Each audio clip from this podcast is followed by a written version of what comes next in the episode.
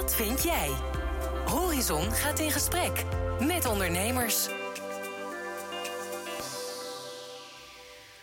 Welkom bij de eerste podcast van de regionale ontwikkelingsmaatschappij Horizon Flevoland. Mijn naam is Marco Smit, ik ben directeur van Horizon. Horizon helpt bedrijven in Flevoland met innoveren, internationaliseren en investeren. Tijdens deze podcast gaan mijn vaste tafelgasten en ik in gesprek met Flevolandse ondernemers over actuele onderwerpen die het MKB van Flevoland bezighouden. Mijn vaste tafelgasten zijn Marcia Richardson en Tom Lansink. Marcia, leuk dat je er bent. Dankjewel. Stel jezelf even voor. Nou, Marcia Richardson, eh, voorzitter Flevolandse Zakenvrouwen. En daarnaast eh, heb ik twee bedrijven, eh, Leading Lean en Meerwaardemakers. En wij helpen echt MKB-organisaties om niet in een bedrijf, maar aan een bedrijf te werken. Nou, daarnaast woon ik zelf 25 jaar in Almere. Twee opgroeiende dochters, dus heel erg ook gekoppeld aan maatschappelijke onderwerpen binnen heel Almere, maar ook daarbuiten Flevoland. En natuurlijk ook onder andere eh, in de investeringboord van de Horizon. Om ook daar een eh, bijdrage te leveren van hoe kunnen we de innovatie eh, in Flevoland verhogen. Hartstikke goed, dankjewel. Tom, leuk dat je er bent. Vertel eens iets over jezelf. Dankjewel, dankjewel. Ja, we kunnen bij elkaar de hand schudden. Maar ja, ik- ja, ik- sinds 96 woon ik ook in Lelystad. Ik heb ook twee opgroeiende dochters. Eh, ik ben eigenaar eh, van Lansing BV met een vestiging in Haarlem, Enschede, maar ook het mooie Lelystad. En eh, in het dagelijks leven eh, doen wij eh, vastgoedverbetering, schilderwerk, kunststofvloeren, glaswerkzaamheden en dergelijke. Er werken 145 mensen bij ons. En ehm, ja, echt moet ik zeggen, naast leerling vooral Flevolander. En hou me bezig nog met een aantal andere bestuurstaken, waaronder voorzitter van de Stichting Flevopenningen. Dat zal nog een aantal zaken naar voren in komen, waaronder de, de participatiepenning en dergelijke. En ja, mijn sociale hart zegt dat we daar ons eh, in Flevoland goed mee bezig kunnen houden. Hartstikke goed, dankjewel. Nou, welkom dat jullie eh, eh, hier zijn, dat je mee wil doen met deze podcast. En we zijn erg benieuwd naar, naar jullie mening. Elke keer, elke podcast hebben we ook een nieuwe ondernemer uitgenodigd. Die past bij dat onderwerp van de week. Het onderwerp dat we vandaag gaan bespreken is ondernemen tijdens en na corona. Alleen maar bedreigingen of zijn er ook kansen? Voor dit onderwerp hebben we Martijn Groot van TSR uitgenodigd. TSR AV komt uit Almere en levert audiovisuele diensten. Martijn en zijn compagnon hebben aan de start van corona kritisch gekeken naar hun diensten en hoe zij ondanks de beperkingen van corona nog konden blijven ondernemen. Martijn, welkom. Stel jezelf even voor. Dank. Dank voor de mooie introductie. Eh, maar, Martijn Groot, TSR AV, tevens de eigenaar. Ik woon ehm, in Almere, dus ook in Flevoland. Heb eh, twee kinderen. Nee, ik heb er drie sinds kort. Sorry. Gefeliciteerd. Zo, dat was een goed begin. Nee, maar ehm, nou ja. En eh, wat u al zei, tijdens de coronacrisis eh, zijn wij als audiovisueel bedrijf toch wel echt genoodzaakt om eh, nieuwe dingen te bedenken. Eh, en ja, nou, de kansen en bedreigingen die zijn er eh, absoluut, eh, absoluut geweest. En die zijn er nog steeds eigenlijk op het nou, moment. daar gaan we het zo dadelijk over hebben. Nogmaals welkom allemaal. We gaan het vandaag dus hebben over ondernemen tijdens en na corona. Eh, Martijn, de eerste vraag aan jou. Wat waren de gevolgen van eh, corona voor jullie bedrijf? Het gebeurde natuurlijk eh, maart vorig jaar zo ongeveer. En het werd steeds erger, erger, erger. Wat, wat betekende dat voor jullie? Ehm, nou, eigenlijk heel erg veel. We zijn een audiovisueel bedrijf. Die zijn actief natuurlijk in nou, veelal de tijdelijke installaties. Eh, en ja, het was 15 maart. En binnen 48 uur waren eigenlijk al onze opdrachten uit de agenda. Ehm, op de vaste installaties na. Dus de service en onderhoud wat wij doen. Maar voor de rest was alles weg. Dus we stonden eigenlijk met lege handen. En eh, nou, eigenlijk dezelfde avond eh, tijdens de persconferentie, nou net na de persconferentie heb ik nog contact gehad, intensief met mijn eh, compagnon van hoe gaan we dit aanvliegen? Want eh, ja, we komen maandag op kantoor en eh, wat gaan we doen? Nou, toen hebben we eigenlijk meteen een team bij elkaar geroepen en ja, je staat met bijna lege handen. Ja. En dan moet je een strijdplan gaan bedenken. Een strijdplan of eerst paniek? Ehm, je schiet wel even in de paniek als ondernemer. Alleen we waren meteen strijdbaar. Want wat kan er wel? Laten we vooral laten kijken wat er wel kan. En we zagen eigenlijk meteen het hele eh, vaste installatiegedeelte van ons bedrijf. Het service en onderhoud. Iedereen wilde eigenlijk alles naar voren trekken. Want ja, nu is ons pand leeg. We weten niet hoe lang het gaat, hoe lang het gaat duren. Dus ja, daar hebben we in het beginsel echt wel even onze agenda mee kunnen vullen. Maar voor, het, eh, voor de tijdelijke installaties, dus de evenementen en de congressen. Ja, dat was natuurlijk wel super spannend. Ja, ja, kan ik me goed voorstellen. Ook privé natuurlijk, hè, voor medewerkers en voor jezelf. Eh, je moest opeens op een hele andere manier gaan werken. Ja, onzekere tijden.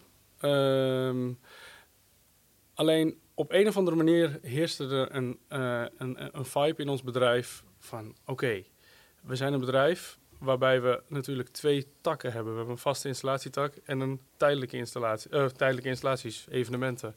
Dus wij dachten alleen maar, oké, in deze tijd moeten we veel meer kijken van de mensen zitten zometeen thuis. Ze moeten toch aan het werk. Hoe gaan we dat bewerkstelligen? Dus eigenlijk vanaf moment één dachten we, we gaan kijken waar de wereld wel behoefte aan heeft. Ja, ja heel goed.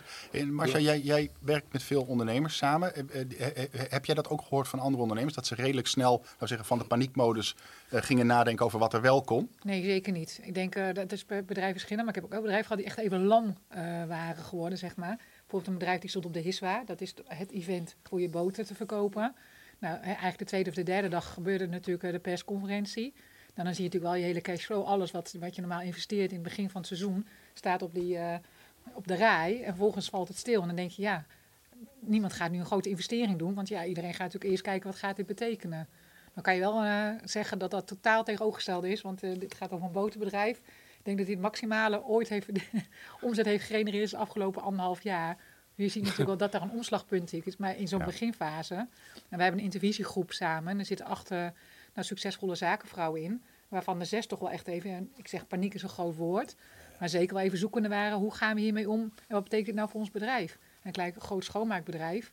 Nou, en niet alleen eh, Ja. bedrijven gingen dicht, maar er moet ook minder schoongemaakt worden. Ja, wat betekent dat dan? Hè, we hebben wel 180 man in dienst. Ja. En ook geen personen die je zomaar makkelijk ergens anders even neerzet. Ja, hoe ga je daar dan mee om? Ja, je hebt ook natuurlijk een verplichting naar je medewerkers. Het is niet alleen maar de omzet die je wegneemt. Maar ook je medewerkers die daar natuurlijk een belangrijke rol in spelen. Ja, helemaal waar, ja. En Tom, hoe was het bij jou in het bedrijf? Eh, eh, schilderwerken veel? Nee, nee, nee, nee. A, zijn we, eh, eh, heb ik geen leningen, dus eh, financieel had ik er helemaal geen last van. Eh, de werken gingen ook gewoon door. Het enige wat ik had, ja, dat moest de directeur vaak oplossen. Dus natuurlijk in de begintijd, ja, wat zijn de regels? Wat mag wel, wat mag niet? Opdrachtgevers die in één keer moeilijk waren. Nou, gelukkig eh, heeft de premier gezegd en de regering, joh, we gaan gewoon door met werken. Dus daar, daar heb ik allemaal geen last van gehad. Maar ik, als ik naar, de, eh, naar Martijn kijk, ik zeg, heb jij veel vaste jongens in dienst? Nou, we zijn natuurlijk redelijk kleinschalig. We, hebben, we zijn met een team van 17 mensen. Ehm, maar ja, je- je moet... Zijn het vaste medewerkers dat of zijn allemaal, die nee, dat zijn allemaal vaste medewerkers. Ja, de, dat- rest, de rest was allemaal... we hadden zeg maar een flexibele schil van ongeveer 50 mensen. Ja. Dat is een beetje wel hoe het werkt. Ja, Voor die mensen kan ik me voorstellen was het complete paniek. Want ja, die hebben dus totaal geen werk meer. Nee, Dus kijk, vooral de voor voor- freelancers. ik kan het voor jou ook voorstellen, ik zat er zo aan te denken. Dan denk ik, pak je dan Dikkie, eh, je bent jong, Ja, eh, je begint net, je hebt veel geïnvesteerd. ja. eh, er moet omzet gedraaid worden. Omzet gaat naar nul. Ik moet 17 man een salaris betalen. ja. Eh, eh, eh, wat gaan ze doen? Hè? Ik, ik zie het, eh, laat me zeggen, in, de horeca zie je heel veel eh, goede ondernemers zeggen, nou ja, ja, laat nou de, de ware wet maar komen. Die, die, die keukens die blinken eruit, bij wijze van spreken. hè. Alles in een beurtje Ja, je gaat. bent een keer klaar met schoonmaken. Dat Ja, hadden wij precies. ook wel. Ja, Nou, maar aan de andere kant is natuurlijk wat je wel hoort, is dat je echt wel ondernemer bent. Want ik hoorde je ook, hey, we belden gelijk samen met mijn compagnon. En maandag Ja. gingen we vooral kijken, wat kan er wel? Ja. Hè, en dat is natuurlijk ook wel een stukje ondernemerschap die Ja, eh, het verschil maakt in deze tijd. Hè? Van, ga je kijken van, hé, hey, kan niks meer? Of ga je op een gegeven moment echt kijken, wat kan er wel? En dan Maar moet je had, je, had, je had hem gelukkig, het was me eigenlijk gewoon een boost geven. Ja, een boost geven. Alleen kijk, eh, net werd het woord paniek gebruikt. En ik, eh, ja, op een of andere manier weigerden wij gewoon om in de paniek te schieten. Ja. Want dan, dan, eh, dan zijn we als bedrijf helemaal lam geslagen. En we, wa- we waren natuurlijk wel vleugellam. Alleen we, ja. En dat is nog steeds, hè, want nu komt de wereld weer een klein beetje op gang. En eh, voor, eh, voor de crisis waren wij een bedrijf met 75% van onze activiteiten op tijdelijke evenementen of op evenementen. En 25% in de vaste installaties. Maar nu is het eigenlijk andersom.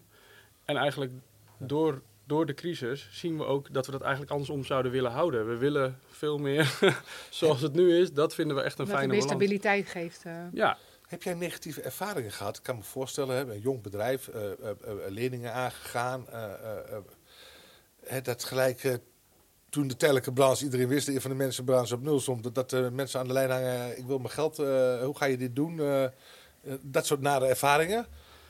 Of heb je alleen een positieve ervaring? andersom nee, nee. kan dat natuurlijk ook. Het is zeker niet helemaal een rooskleurig verhaal. Hè. Laat ik dat voorop stellen. Het is echt wel, het is af en toe wel gewoon eh, met leveranciers ook overleggen van joh, hè, we willen nu, eh, want we mogen van geluk spreken dat we bijvoorbeeld mediastudio's mochten inrichten en dat soort zaken. Voorheen konden we dat gewoon zelf voorfinancieren. En nu moet je wel aan de leveranciers vragen van joh, we hebben een mooie opdracht. Hoe kunnen we hier samen uitkomen? Want ja, heel simpel, wij kunnen gewoon niet even twee ton voorschieten. Nee, want dat- daar zijn we gewoon simpelweg te klein voor. Maar niet iemand dat ze, dat, gelijk- dat ze geld halen, dat ze bang waren dat je eh, om zou vallen. En dat ze dan naar hun eh, centjes konden fluiten. Ik heb één leverancier gehad, zonder namen te noemen, Ja. waarbij, eh, waarbij wij echt het, eh, voor de crisis heel veel zaken mee deden. En ehm, die was zelfs zo verbitterd. Die, wij hadden binnen 48 uur alle, alles eruit. En je gaat je klant niet zeggen van, nou ja, we, we, we gaan u een rekening sturen. Alleen deze leverancier zei, ja, maar je had alles al geaccordeerd. Je krijgt gewoon van alles een rekening. Ja, en dat is wel iets... eh, Ja, maar goed, dat, dat, dan, dan neem je mee in je rugzak, zeg Ja. maar. Want Ja, je ja. denkt nu, nu Ja. ga je weer met elkaar opstarten en nu denk je bij die leverancier ook, oké, dat is misschien niet onze partij. Of anders gezegd, dat is niet onze partij. Ja, want je, je zei, we hebben natuurlijk eigenlijk omgedraaid. Hè, want eerst 25% eh, eh, vast en, eh, en de rest zeg maar ambulant hè, zeg maar, bij congressen. Nu Ja. heb je het omgedraaid. Ja. Dan heb je ook nog nieuwe producten ontwikkeld of nieuwe diensten. Ja. Of over, ik ben wel eens nieuwsgierig, wat is daar nu uitgekomen? Want dat geeft ook mogelijkheden, hè, zo'n eh, crisis zeg maar. Ja, het zijn, het zijn natuurlijk alleen maar het, zometeen terug naar de werkplek, zeg maar. Ruimtereserveringssystemen, werkplekreserveringssystemen, de hele kantooromgeving. Ja, dat is iets waar we nu heel druk mee zijn. Eh, het zogenaamde Company Hub. We hebben het ook in een, eh, een jasje gestopt. Maar we merken dat daar gewoon heel veel vraag naar is. Want neem een grote corporate zoals KPN, die zegt gewoon tegen zijn medewerkers: je mag één keer per maand naar kantoor. Nu. Vanaf augustus mogen ze één keer per week. Vanaf januari mogen ze waarschijnlijk weer naar kantoor. Januari, waar hebben we het over. En tot die tijd willen, we, willen ze gewoon, oké, hoe gaan we dan die werkplekken inrichten? Dus wij zijn op audiovisueel gebied alleen maar bezig met werkplekreserveringssystemen, meetingrooms, boardrooms, zodat we de wereld kunnen connecten met elkaar. En hoe wordt het nou zichtbaar? Want je hebt natuurlijk een bepaald bedrijf opgebouwd met een bepaalde zichtbaarheid in de Ja. markt. Nu heb je een nieuw product. Ik ben wel Ja. nieuwsgierig, hoe kan je in zo'n korte tijd dan toch zorgen dat ze jou weten te vinden op dit onderwerp? Ja, ja, leuke vraag, want we hebben ook in maart brak eh, de crisis uit. En in mei hebben we, eh, of in juni, mei, juni, hebben we, terwijl dat natuurlijk op de rand van de mogelijkheden was, hebben we in eh, de Utopolis, de bioscoop in Almere, hebben we onze hele nieuwe huisstijl en brand. We hebben alles helemaal anders gedaan. We hebben gewoon ons bedrijf helemaal nieuw neergezet. Eh, dus dat hebben we gewoon opnieuw gelanceerd. En we waren dat natuurlijk al wel een beetje van plan, maar we hebben dat nu gewoon...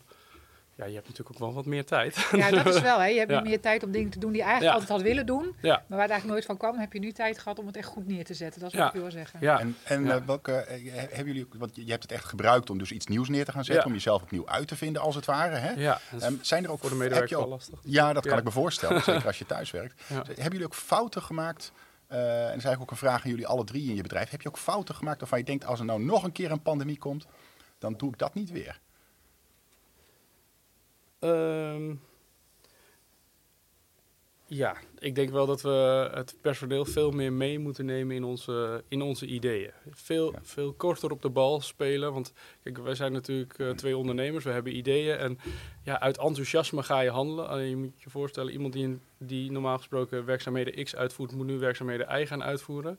En dat is waar we nu echt wel mee lopen te stoeien. Want ja, hè, wil iemand dat is dat de ambitie van die persoon? Of hè, dat past wel bij onze ambitie, wat wij met ons bedrijf willen, maar de medewerkers moeten daar wel in meegaan. En dat is iets, ik zeg niet dat we dat fout hebben gedaan, maar Nou, je gaat een grote transformatie door eigenlijk als bedrijf en dan, da- daar denk je over na als management. Maar Ja. je moet dus ook de tijd nemen om je personeel daarin mee te nemen. ja, iets meer rust innemen, want de trein raast wel verder. Ja. Alleen, ja, de vraag is, zijn ze al ingestapt of staan ze nog op het station, zeg maar? Welke, fout, welke fout heb jij gemaakt, Tom? Nou, ik weet niet of, of, of, of, of je de categorie fout mag, mag, mag noemen, maar wat ik wel anders ga doen. Ik had eh, een van mijn medewerkers in de administratie, die zou zich bezighouden met de corona-perikelen. Zou maar één spreekbuis hebben met Ja. één taal. Zou ze ook elke dag inlezen in de nieuwste eh, regels en dergelijke. Maar het gevolg was, ze blijven allemaal mij bellen. dus ja, hoe ik dat beter kan krijgen, daar ben ik nog niet helemaal uit. Maar uiteindelijk, na twee weken, weet dat ook allemaal wel. Want dan krijg je dan een telefoon en zeg, nee, je moet toch eh, eh, Joost bellen. En dan Joost bellen, dan ging dat allemaal wel goed. Ja, daar kan de communicatie nog meer. Maar ja, ik werk natuurlijk in het schildersbedrijf met traditionele mensen. En als er wat is, ja, even de baas bellen. Hè? Ja. Ook weer even een reden om de baas te ja, bellen. ja. Maar wat ik heel interessant vond in jouw verhaal, Martijn. Heb je het idee dat de corporates dus nog helemaal gaan wijzigen? Dus je bent geen believer dat mensen nog meer thuis gaan werken. Het is dus zo. Ja, Vanaf ik- januari is het gewoon gebeurd. Dan Ik kan hier zelfs op reageren, want ik, eh, ik zit in corporates natuurlijk veel. Ja. En daar is, betekent het hele beleid is zelfs al aangepast. Dat betekent gewoon dat, dat echt inderdaad je niet meer vier, vijf dagen naar Nee. kantoor gaat. Het wordt meer een ontmoetingsplaats. En, hè, met speciale momenten en één of twee keer per, per, per week naar, naar, naar je Ja. werk, fysiek. En zijn zelfs ook de locaties aan het verkleinen. Omdat natuurlijk eerder is het ingericht dat je drie tot vier dagen eh, een werkplek hebt. Nou, je kunt nagaan als je duizenden mensen, hè, die grote corporates Ja. eh, in dienst hebben. En die gaan gewoon terug naar eh, de helft van hun ruimte die ze nodig hebben. Dus Ja, het is dus- ook een... eh, We praten niet meer Ja. over het oude normaal, maar over het nieuwe normaal. er is geen oud normaal meer. Daar kan, tuurlijk Nee. zullen er bepaalde dingen terugkomen, maar helemaal terug. Mensen hebben er ook behoefte aan. Hè? Ja. Ik bedoel, er zijn mensen die gewoon zeggen: Ik vind het heel fijn om twee dagen per week thuis te werken en drie dagen op Ja, kantoor. dat hoor ik ook al. Ik kijk naar mijn dochter op stage nou, op de Zuidas. Ja. Nou, daar zitten veel jongere mensen. Nou, eh, die, eh, die willen niet thuis werken hoor. Nee. Nee, een maar je hebt, twee, je hebt twee geluiden. Als Want je je een hebt ook, mooi huis hebt met een tuin, eh, hier, ik woon hier aan het water, ja, dan is het, Ja. dat is het heel wat anders dan als ik, je ik zou er zelf niet aan moeten denken met drie jonge kinderen. Bedoel, nee, maar er zijn er wel. Er zijn zelfs mensen die uit de randstad nu zeg maar, verhuizen, toch weer naar het platteland. Omdat ze zeggen, ja, ik kan nu plaats en tijd onafhankelijk werken. Ik woon nu in de randstad, heb geen tuin, heb geen mooie omgeving. Hm. Ik heb dat wel nodig. Ik ga gewoon eh, eh, verder van mijn werk eh, wonen en ga niet meer zoveel reizen. Nou, nou is dat vanuit de werknemer bedacht. En ik, dat geeft natuurlijk veel meer flexibiliteit. En ik denk dat je ook zeker in gesprek moet gaan met al je, met al je collega's. Wie wil wat. Hè. Eh, en ik denk zeker dat we naar een nieuw normaal toe gaan. eh, Met minder grote kantoren, ontmoetingsplekken. Je noemt het zelf ook al. Maar wat betekent het voor ondernemingen zelf? Hè, als een, een groot deel van de week je medewerkers thuis werken en niet met elkaar werken. Dus ook niet samen met elkaar ideeën kunnen uitwisselen, vragen kunnen stellen, van elkaar kunnen leren. Dat betekent, kijk, voor Tom, voor jouw bedrijf, een, een, een schilder die doet dat op locatie. Dat, Ja. is, dat is een feit. Ja, maar, Eh, maar voor voor, mijn bedrijf heeft niet. bijvoorbeeld heel veel impact gehad. Dat we natuurlijk, wij doen, heel, hè, wij doen veel leiderschapstraining, verandertraining, heel veel met medewerkers. Hoe hou je die betrokken? Je kan een mooie strategie bedenken, maar als je niet je medewerkers meeneemt, ja, hoe ga je zorgen dat het gerealiseerd wordt? Nou, dat doe je vooral heel vaak fysiek, omdat namelijk als je in een, teamsessie zit, dan gaat het niet om wat er gezegd wordt, maar vooral ook wat je ziet gebeuren in een team. Hè, het is vaak de onderstroom die het verschil maakt. Niet dat iedereen zegt, ja, een mooi verhaal ga ik doen. Nee, zie ik ook dat iedereen echt mee, meegaat. Ja, dat is natuurlijk op digitaal vlak bijna niet te zien. Want ik stel een vraag en er is één iemand die antwoord geeft. Maar kan niet zien, is iedereen het daarmee eens of niet? Dus, dus wij zijn wel vanuit de techniek en, en zeg met e-learning zijn natuurlijk bezig. Dat hebben we ook allemaal neergezet. Maar dat fysieke heb je wel nodig om echt het verschil te kunnen maken. Dus daar zul je toch ook naar een combinatie gaan. Wat minder lang op kantoor qua workshops. Misschien wat meer voorbereiding door middel van e-learning modules. Maar het echte gesprek en de uitvoering die je toch met elkaar nog wel fysiek te doen. Want werken Want, eh, is ook samenwerken natuurlijk. Ja. Hè? En samenwerken betekent ook dat je ook een beetje empathie eh, mo- moet hebben. En inlevingsvermogen in je collega. Als je, als je de hele dag alleen maar naar je eigen scherm zit te kijken. Volgens mij hebben dan wordt dat je wereld. behoefte aan, toch? En onderschat ook niet de acht uur, en dat heb ik nu ook wel zo'n dag, acht uur achter een scherm zitten. Nou, Zo. ik weet niet hoe jullie er naar kijken, maar mijn ogen die draaien gewoon eh, na drie uur al. En dan moet ik er nog vijf. Ik kan je maar, bekennen hè? dat ik het, het, Ja. het jaar begon, het coronajaar, met hele goede ogen. En ik ben geëindigd met een leesbril. En ik wijs het nog, wijd het nog steeds aan, eh, aan de hele Ja. dag naar een scherm kijken. Ja. Ja. Ja. Ja. Het geeft Niet geen dat je energie. ouder bent geworden. Nee, helemaal niet. Nee, dat heeft er niets ook wel mee een te beetje, maken. maar dat eh, Dat ontkent nog. haartje, Ja. dat is toch niet, eh Marco. Ja, want je vertelde dat je ook wel geprikt bent. Het is gelukkig, het is gevaccineerd. gelukkig radio. Ja, ja. Ik ik heb daar wel een beeld van. Ja, ja, ja, ja. Vriendelijke stemmen. Dan, eh, ja, En dan blijkt er toch een oude man te zitten. Ja, Dan wil ik niet lullig maar wie ziet grijs? Nee. ja. Ik, voor ja, de luisteraar, dus, voor dan de- ben ik het denk ik. Voor de luisteraar, dat is, dat is Tom, zeker. Ehm, dat was het coronajaar. We staan nu eigenlijk op het moment dat we weer naar voren kunnen kijken. Hè. Aankomende zaterdag gaan de restaurants weer open. Op het moment dat we naar gekeken hebben, we mogen weer naar terrassen toe. Het is lekker weer. 30 juni, dan mag, mag er weer meer. Ik denk dat we allemaal kijken naar, laten we zeggen, na de zomer. Het moet allemaal even bijkomen deze zomer. En ik hoop dat we allemaal erop uit kunnen gaan. Na de zomer, dan, eh, dan hopelijk ontstaat er weer een nieuwe toekomst natuurlijk.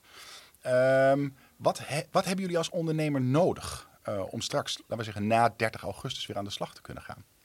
Nou, voor mij is essentieel dat er weer fysiek contact kan zijn en ruimtes. Wat ik eigenlijk net al aangaf. En je gewoon met teams aan de gang kunt gaan met leiderschap. Gewoon echt weer fysiek met elkaar het gesprek kan voeren. En ook weer verbinding kan maken. Dat is wel wat wij eh, echt nodig hebben als, eh, als organisatie. En niet alleen ik, maar ik zie ook in ons netwerk.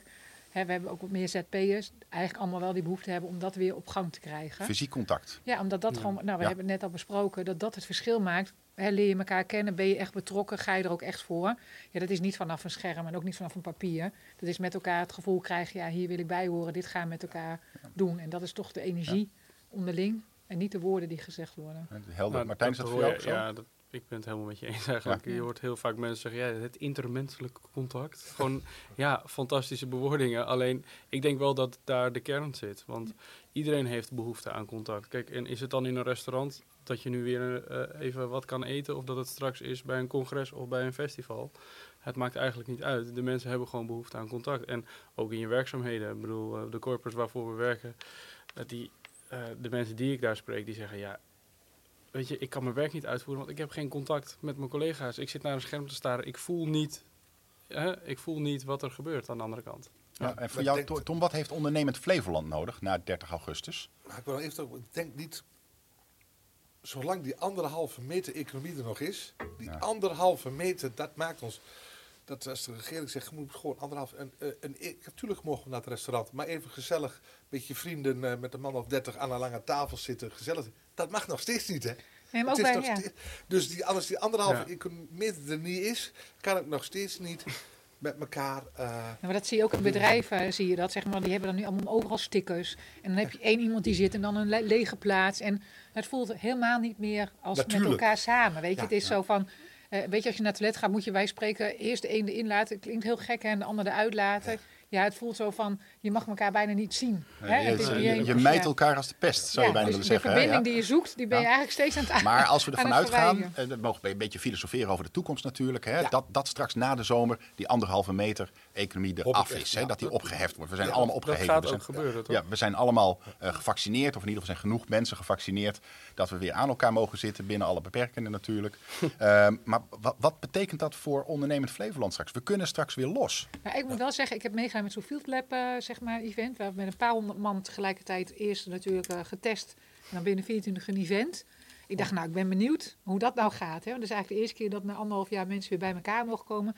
Ik denk drie minuten. En toen was het net zoals oud en van oud. Het verbaasde mij enorm hoe snel iedereen gewoon weer met elkaar op de, ja, leg maar even de, de oude manier. Met elkaar weer in contact legde en gewoon weer eh, met elkaar in gesprek ging. En ik had al, was even nieuwsgierig, hoe gaat dat dan? Dat, het is echt niet overdreven met drie tot vijf minuten.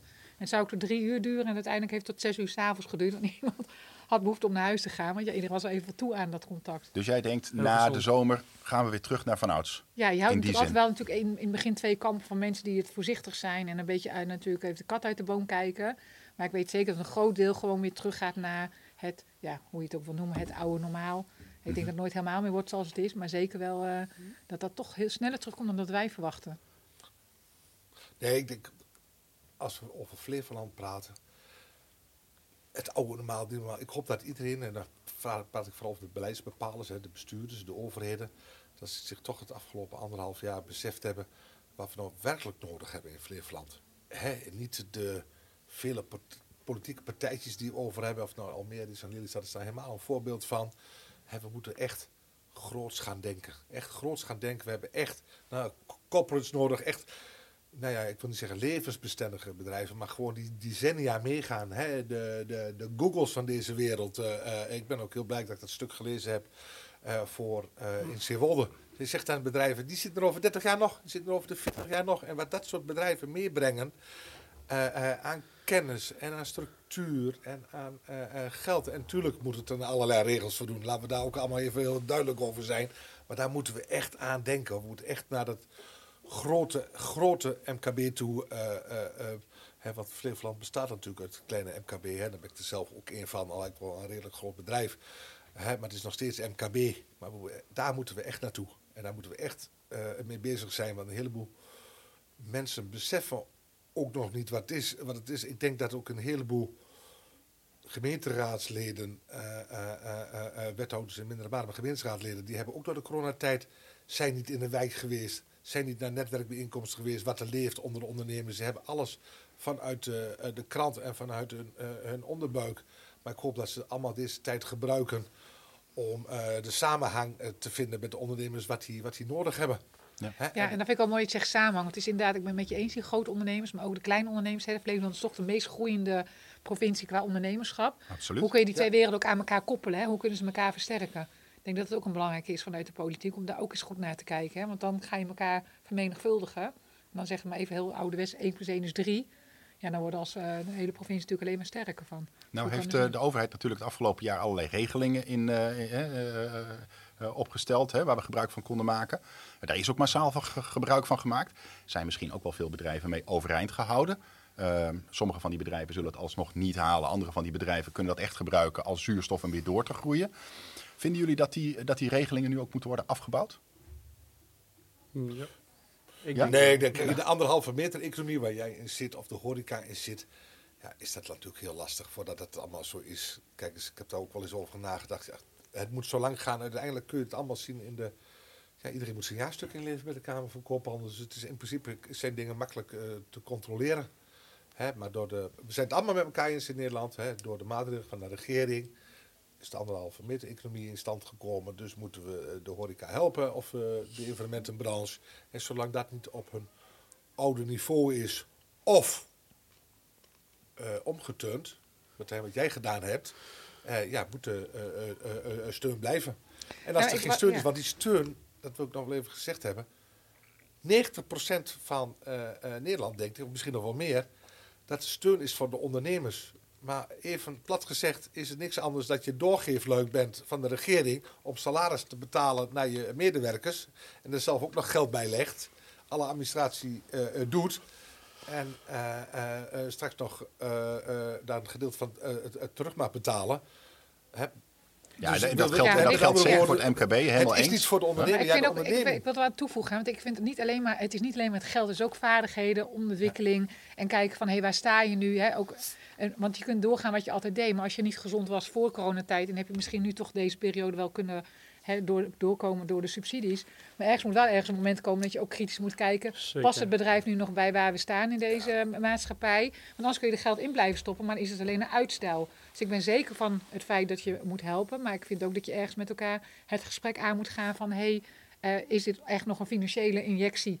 En betekent het daarna? Of is het echt een injectie die voor de toekomst ook bestendig is... en dan die werkgelegenheid vergroot of maatschappelijke bijdrage heeft? Of nou, wat dan ook. Want uiteindelijk gaan we daarvoor natuurlijk. Ja. hè? Ja, ben Weet je, eens, maar het moet, we moeten wel van de gedachte af dat het voor de ondernemer is. Want hij, nu, eh, natuurlijk met TVL-regeling gaat er wat geld naar de ondernemer toe. Het was eigenlijk allemaal geld. Ik denk dat 90% van het geld voor salaris is van de werknemer. Klopt. Maar je zou, aan de andere kant kun je zeggen dat als, dat als dat niet was gebeurd, dan waren die ondernemingen omgevallen. Hè? Maar je hebt helemaal gelijk, dat geld is natuurlijk voor een groot deel is dat in salarissen gaan zitten. Ja, anders gaat mensen naar de WW en, en, en Precies. het gaat via een ander, po- een ander potje. Precies. Martijn, heb jij dat ook zo ervaren? Ja, ehm, nou, ik denk dat eh, die ondersteuning absoluut goed is geweest. Alleen eh, ik, ik, durf, ik durf er wel eh, ook, want ook wij hebben van NOW 1 gebruik gemaakt. Eh, en toen weer niet. En toen hebben we uh, NOW 3.2 voor de zekerheid wel aangevraagd, omdat we niet wisten hoe het ging gebeuren. Maar ik denk dat we er ook kritisch naar moeten durven kijken, want de pijn wordt natuurlijk niet helemaal gevoeld door de werknemers, uh, door hè, de mensen. De pijn wordt niet voldoende gevoeld, want ik heb ook mede-ondernemers die gewoon achteroverleunen van nou, die steun. Dat Precies. komt me wel echt prachtig uit. Ja. Um, en uh, ik, ik wil toch kijken of we daar ook, uh, daar, daar moet je ook kritisch naar kunnen kijken. Want uh, op het moment dat mensen de pijn niet voelen, gaan ze achteroverleunen. En uh, ik zeg niet dat we allemaal uh, alles omver moeten trekken. Maar als we dit maar blijven steunen, dan is het voor de volgende generatie ook niet echt. Ja, het gesprek moet gewoon op gang komen. Hè? Dus ja. je gewoon het gesprek van waar, waar, wat, wat, waar sta je nu, waar wil je naartoe en wat heb je daarvoor nodig. En daar kan natuurlijk een financiële injectie heel erg goed in zijn. Maar het is niet ook altijd alleen maar financieel hè, die het nee. verschil maakt. Dus soms nee. ook keuzes maken om dingen niet meer te gaan doen. Hè, of of, of uh, inderdaad te kijken van hey, hoe kun je de markt weer beter betrekken met uh, medewerkers aantrekken. Er is nog nooit zoveel geld. Er is nog nooit zoveel geld op de privérekeningen van iedereen geweest. Ik bedoel, die voelen absoluut de pijn niet. Nee, zeg maar. nee de ambtenaar ook niet. Uh, nee. maar het is, kijk Martijn, er kwam er, je bent jong, flexibel, weet wat je wilt. Maar je zult maar 55, 60 zijn. En uh, gastheerschap, mensen pleasen, lekker koken voor je gasten. Dat zal je je levenswerk maar zijn. Ja. Hè? En je bent 60 en je bent met 65 wil je je zaak verkopen, want je hebt daar 40 jaar een topzaak van gemaakt en je hebt nog helemaal niks. En dan moet je wel weer even de energie vinden om Ja. wat anders te bedenken. Dus het Nou ja, wel Ja, niet maar zo dan denk heel, dat... dat heel makkelijk... eh, Nee, daar ben ik wel met je eens. ja, Maar een is, financiële injectie Nee. maakt het verschil dan ook niet. Dan is ook daar weer... Hè, want dan krijgt iemand wel geld en dan is misschien juist wat jij zegt, de urgentie om er dan toch nog even met, hey, hoe maak ik de laatste vijf jaar toch nog wel leuk en succesvol, is in mijn beleving niet alleen maar het geldstuk. Dat is dan ook kijken van, hey, wat heb je dan nog nodig om die vijf jaar ook eh, nog leuk af te sluiten, zeg maar. Ja, nee, ik, ben, ik ben blij dat je, dat je dit, dit want uiteindelijk komen we gewoon op maatwerk terecht. Ja, nou, dat Daar is ben denk ik- ik, daar noem ik het precies, gesprek, dat, dat is precies Ja. wat het zou moeten zijn. Het moet maatwerk zijn. En heel veel ondernemers zijn ook wel op zoek naar dat gesprek. Hè? Want je doet altijd wat je deed, omdat je niet anders weet. Weet je? Dus als je niet een keer iemand hebt die jou triggert... of even kijkt, wat is ook nog mogelijk? En jij, ik vind het nog steeds mooi dat jij in het begin zei... wat kan er wel? Misschien kan niet alles meer. Misschien wat er wel kan. En je kunt het iets, iets vergroten of meer maken. Heb je en meer plezier. Blijf je niet meer op doen. En wat je, leuk, hè, wat je niet meer leuk vond. Maar ook als je plezier in het werk hebt... dan heeft het ook effect op je medewerkers. Heeft effect op wat je uitstraalt, et cetera. Dan eh, eh, lijkt mij dat een hele mooie afsluiting voor eh, de eerste podcast van vandaag. Hè? Ehm, ik heb een verhaal gehoord van Martijn die deze periode vooral heeft gebruikt om iets, zichzelf opnieuw uit te vinden, zou je kunnen zeggen. En het bedrijf opnieuw uit te vinden. Dus je hebt eigenlijk heel goed gebruik gemaakt van de tijd. Eh, en eh, je kan er nou ook weer tegenaan. Dus dat is een heel positief we zijn er verhaal. nog niet, maar we zijn... Ja, het is een lange reis natuurlijk. Ja. En eh, het, het is ook maatwerk, heb ik gehoord. Hè. Natuurlijk is voor horeca, toerisme, retail... is natuurlijk een ander verhaal dan voor de industrie en de zakelijke dienstverlening. Zeker. Ehm, maar we kunnen wel concluderen dat een heleboel Flevolandse bedrijven... er wel degelijk heel erg goed voor staan.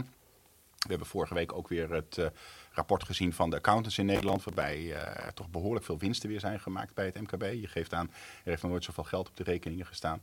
Nou, laten we hopen dat we met z'n allen deze periode kunnen gebruiken... om er sterker uit te komen en ook Flevoland er sterker uit te laten komen... en dat we klaar zijn voor de toekomst. Eh, en eh, dan kijken we hopelijk straks over een paar jaar terug op dat vervelende rotjaar als een periode waarin ook een heleboel nieuwe dingen zijn ontstaan. En we misschien zelfs een stapje naar boven zijn gekomen met z'n allen. Nou, dat lijkt me eh, een, mooie, eh, een mooie wens voor de toekomst.